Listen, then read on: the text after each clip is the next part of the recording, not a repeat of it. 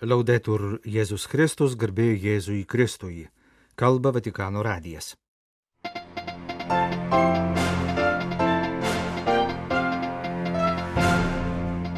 Popiežius kelioms dienoms paguldytas į ligoninę, trečiadienį po pietų jam atlikta chirurginė operacija.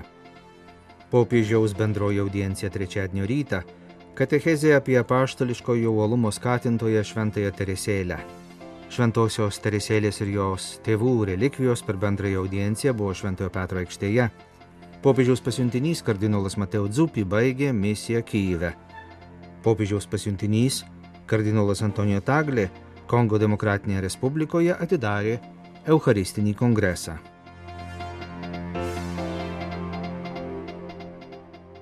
Trečiadienio rytą pasibaigus bendrai audiencijai popiežius Pranciškus išvyko į Agostino Džemelį universitetinę kliniką, kur po pietų jam buvo atlikta chirurginė operacija. Operacija tapo būtina dėl įsisenėjusios pilvo ertmės išvaržos, sukeliančios pasikartojančius, skausmingus ir progresuojančius subobstrukcinius sindromus popiežiui buvo atlikta laparotomija ir pilvo sienos plastika naudojant protezą. Ligoninėje popiežius praleis kelias dienas. Labiau nei daugybės priemonių, metodų ir struktūrų, kurios kartais atitraukia mus nuo to, kas svarbiausia.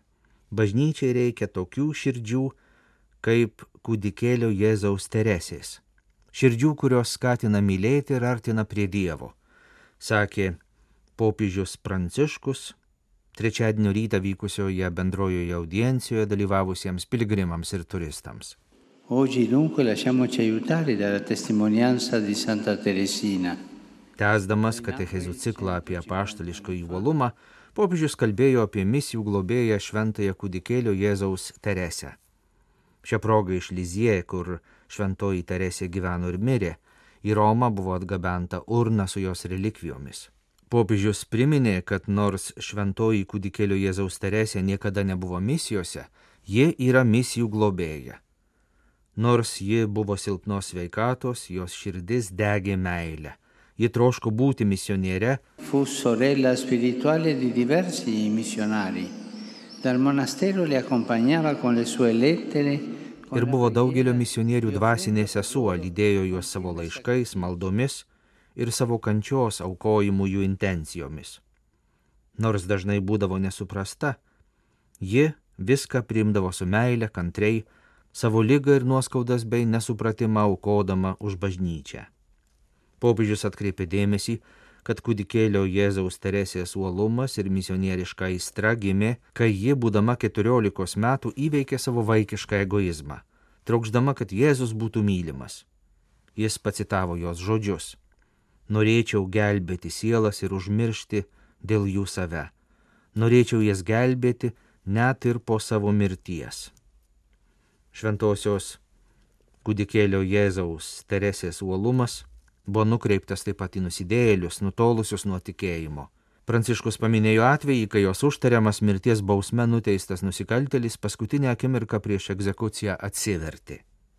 Pranciškus pabrėžė, kad žvelgdami į trumpą šventosios kūdikėlio Jėzaus Teresės gyvenimą, matome, jog misionierius yra kiekvienas, kuris gyvena kaip Dievo meilės įrankis. Iš tikrųjų, misionieriai, kurių globėja yra Teresė, yra ne tik tie, kurie keliauja toli, mokosi naujų kalbų, daro gerus darbus ir skelbia. Missionario anche che comunque vive dove si trova come strumento dell'amore di Dio. Misionierius taip pat yra kiekvienas, kuris ten, kur yra, gyvena kaip Dievo meilės įrankis. Tai kiekvienas, kuris daro viską, kad per jo liudijimą, maldą, užtarimą priartėtų Jėzus. Tai ir yra apaštališkasis uolumas. Jis neturi nieko bendra su prozelitizmu, nenaudoja prievartos, bet stengiasi patraukti pavyzdžių. Krikščionių tampama ne todėl, kad kas nors verčia, bet todėl, kad patraukia meilė, sakė Pranciškus ir prašė melstį šventąją Teresę malonės įveikti savo egoizmą, stengtis atpažinti Jėzų ir jį mylėti. Popiežius taip pat pranešė, kad šiemet sukankančių šventosios kūdikėlio Jėzaus Teresės gimimo 150-ųjų metinių proga jis ketina paskelbti jai skirtą apaštališką į laišką. Po bendrosios audiencijos katechezės popiežius Pranciškus atkreipė dėmesį į ketvirtadienį, birželio 8 dieną, Tarptautinės katalikų veikimo asociacijos rengiamą maldos už taiką akciją. Tarptautinė katalikų veikimo asociacija pasiūlė įvairių krikščioniškųjų konfesijų ir kitų religijų tikintiesiems ketvirtadienį 13 val. Romos laiku skirti vieną minutę maldai už taiką. Accogliamo questo invito pregando per la fine delle guerre nel mondo e specialmente per la cara e martoriata Ucraina. Priimkime šį kvietimą, paragino Pranciškus. Melskimės, kad baigtųsi karai pasaulyje o ypač brangioje kenčiančioje Ukrainoje. Trečiadienį bendrosios audiencijos pradžioje popiežius Pranciškus pagerbė misijų globėjos, karmelitės, šventosios teresėlės ir jos tėvų kanonizuotų šventųjų relikvijas išstatytas Šventojo Petro aikštėje prie pat popiežiaus krėslo. Pranciškus priejo prie abiejų relikvijų urnų ir padėjo baltą rožę prie bažnyčios mokytojos, šventosios ir misijų globėjos, kudikėlio Jėzaus Teresės iš Lizie urnos.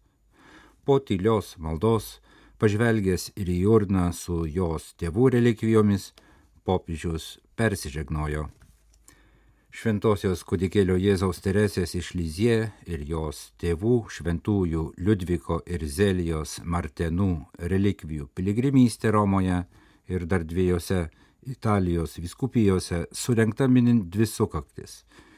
Šventosios Teresėlės gimimo 150-asias metinės ir jos paskelbimo palaimintąją šimtasias metinės. Trijų šventųjų relikvijų urnų piligrimystė į Romą neeilinė. Ji surenkta popiežiškosios Šventosios kūdikėlio Jėzaus Teresės rusų kolegijos bendruomenės prašymų. Šios popiežiškosios kolegijos įkūrimo istorija glaudžiai susijusi su Šventosios misijų globėjos Teresėlės iš Lizie kanonizacija ir su ją palaimintąją ir šventąją paskelbusiu popiežiumi Pijumi XI rusų kolegijos steigėjų. Pijus 1929 metais įkūrė kolegiją dėl komunistinių persekiojimų iš Sovietų sąjungos išvykusių katalikų seminaristų, įskaitant graikų apieigų formacijos ir kolegijos bendruomenę pavedė šventosios kudikėlio Jėzaus Teresės iš Lizie dangiškajai globai. Be to, kolegijai paskirtos patalpos restauruotos dėka viso pasaulio katalikų aukų surinktų Šventojios Teresėlės kanonizavimo proga. Popiežius vadovavimą kolegijai pavedė Jėzaus draugijai. Pirmuoju rektoriumi 1929 metais paskyrė Slovaką tėvą Vendeliną Javorką, kurį sovietai 1945 metais deportavo į Rusijos gilumą ir nuteisė kalėjimu už jo ilgametę tarnystę rusų katalikams, migrantams Romoje, Mandžiūrijoje, Šanhajuje ir Bukovinoje. Popiežiškosios rusų kolegijos bendruomenė ypatingai mena 1947 metais Mukačeve NKVD nužudytą vyskupą ir buvusi kolegijos studentą palaimintąjį Teodorą Romžą.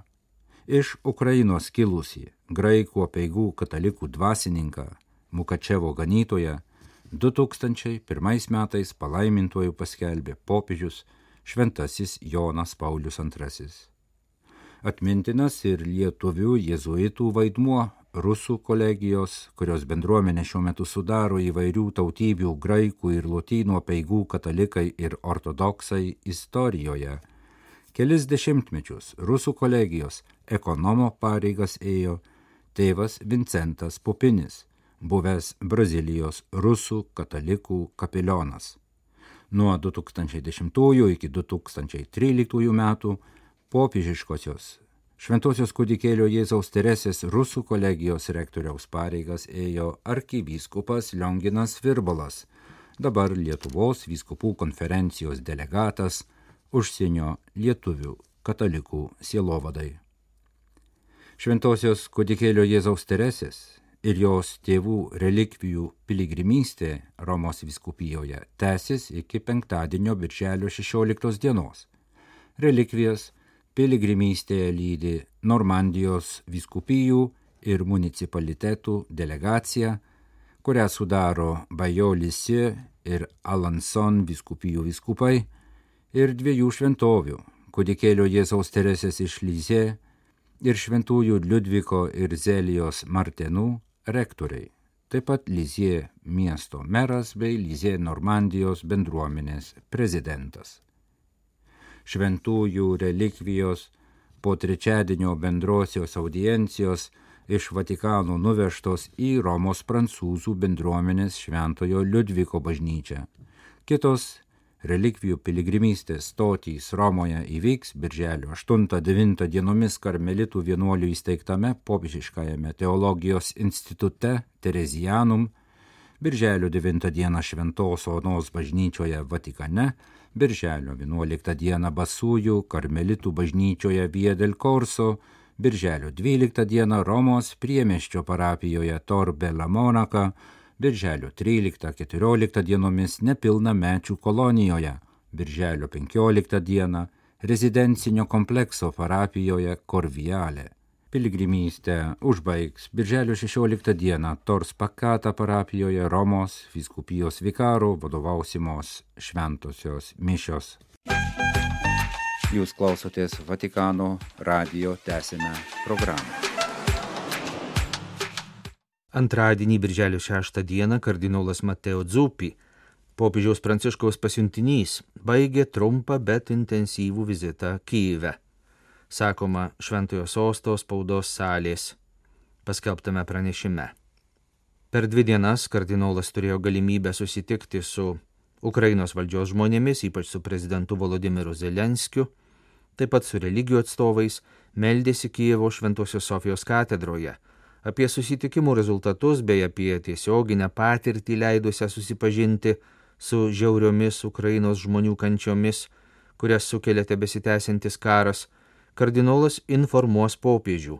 Ir tai nebejotinai bus naudinga priimant tolesnius sprendimus tiek humanitarinių lygmenių, tiek ieškant kelių į teisingą ir ilgalaikę taiką, sakoma Vatikano spaudos salės komunikate. Popiežiaus valstybės sekretorius kardinolas Pietro Parolinas trečiadienį po pietų atidarė 2025 m. jubiliejui skirtą informacinį punktą Romoje šalia Vatikano. Šią progą žurnalistai jo teiravosi apie popiežiaus pranciškaus sveikatą ir apie kardinolo Mateo Dzupi misiją Kyive. Lydime popiežių meilę ir maldomis, tikėdamiesi, kad viskas kuo greičiau susitvarkys, sakė kardinolas, linkėdamas sveikatos trečiadienį ligoninę chirurginį operacijai paguldytam popiežiui. Atsakydamas į klausimą apie kardinolo Dzupį vizitą Ukrainoje, kardinolas popiežiaus valstybės sekretorius paaiškino, kad popiežiaus pasiuntinio misijos tikslas buvo susipažinti su padėtimi ir įsiklausyti, kad būtų galima nuspręsti, kokiu indėliu šventasis sostas gali prisidėti prie taikos. Ar kardinolas Dzupi keliaus į Maskvą, kaip buvo planuota? Pažiūrėsime, kokių tolimesnių žingsnių imtis, atsakė kardinolas, patikslindamas, jog šios misijos idėja gimė kaip misija dviejose sostinėse. Birželio ketvirtąją sekmadienį popiežiaus pasiuntinys kardinolas Antonijo Taglė, evangelizavimo dikasterijos proprefektas, Lubumbašio mieste, Kongo Demokratinės Respublikos pietričiuose inauguravo trečiąjį nacionalinį Eucharistinį kongresą. Eucharistinis kongresas, vykstantis trečiame pagal dydį Kongo mieste, truks ko ne savaitę iki birželio 11 dienos. Jame pakviesti dalyvauti didžiausios Afrikos nacionalinės katalikų bendruomenės nariai iš 48 biskupijų atvyko delegacijos iš kaimininių kraštų. Pagrindinė kongreso tema yra šeima ir Euharistija. Šis didelis samburis skirtas pabrėžti realiam Kristaus buvimui tarp savo mokinių ir tarp šeimų, surenktas po ilgos pauzės. Pirmasis Eucharistinis kongresas dabartinėje Kongo Demokratinės Respublikos teritorijoje įvyko 1933 metais, o antrasis 1980-aisiais. Pasak Richardo Kazadį, trečiojo Kongo nacionalinio Eucharistinio kongreso koordinatoriaus ir Kolvezio viskupijos ganytojo, kongresą teko net du kartus atidėti dėl prasidėjusios pandemijos.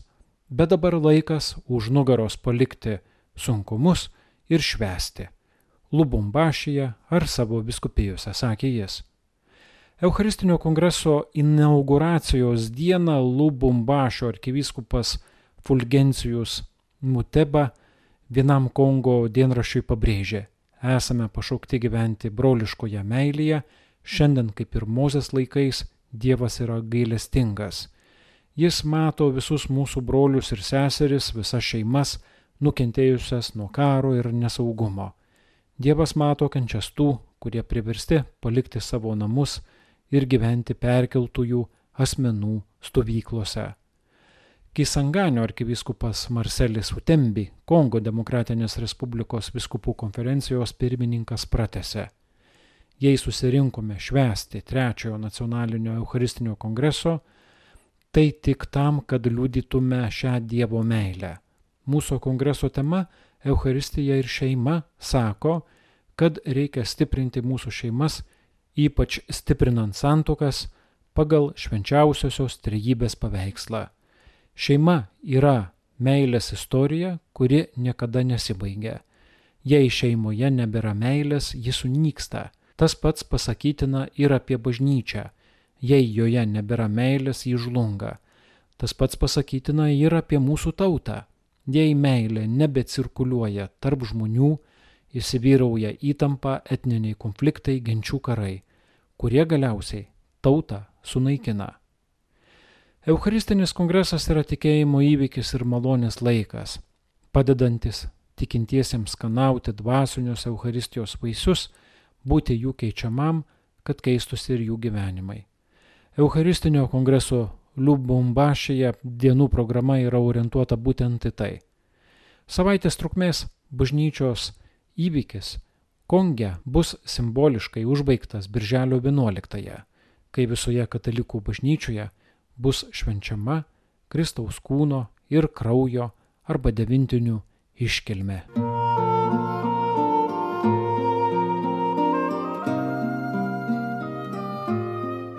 Kalba Vatikano radijas. Mėlyjeji klausytojai, primename, kad Vatikano radijo laidų jūs galite klausytis ne tik per Lietuvos radio kanalą Klasika ir Marijos radiją, bet ir per mūsų interneto radiją, kurio galima klausytis mūsų interneto portale.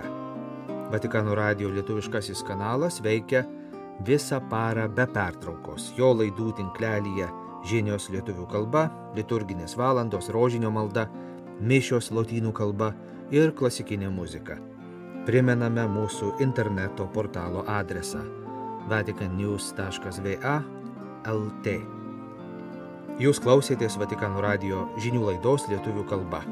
Atsisveikiname iki rytojaus. Laudetur Jėzus Kristus.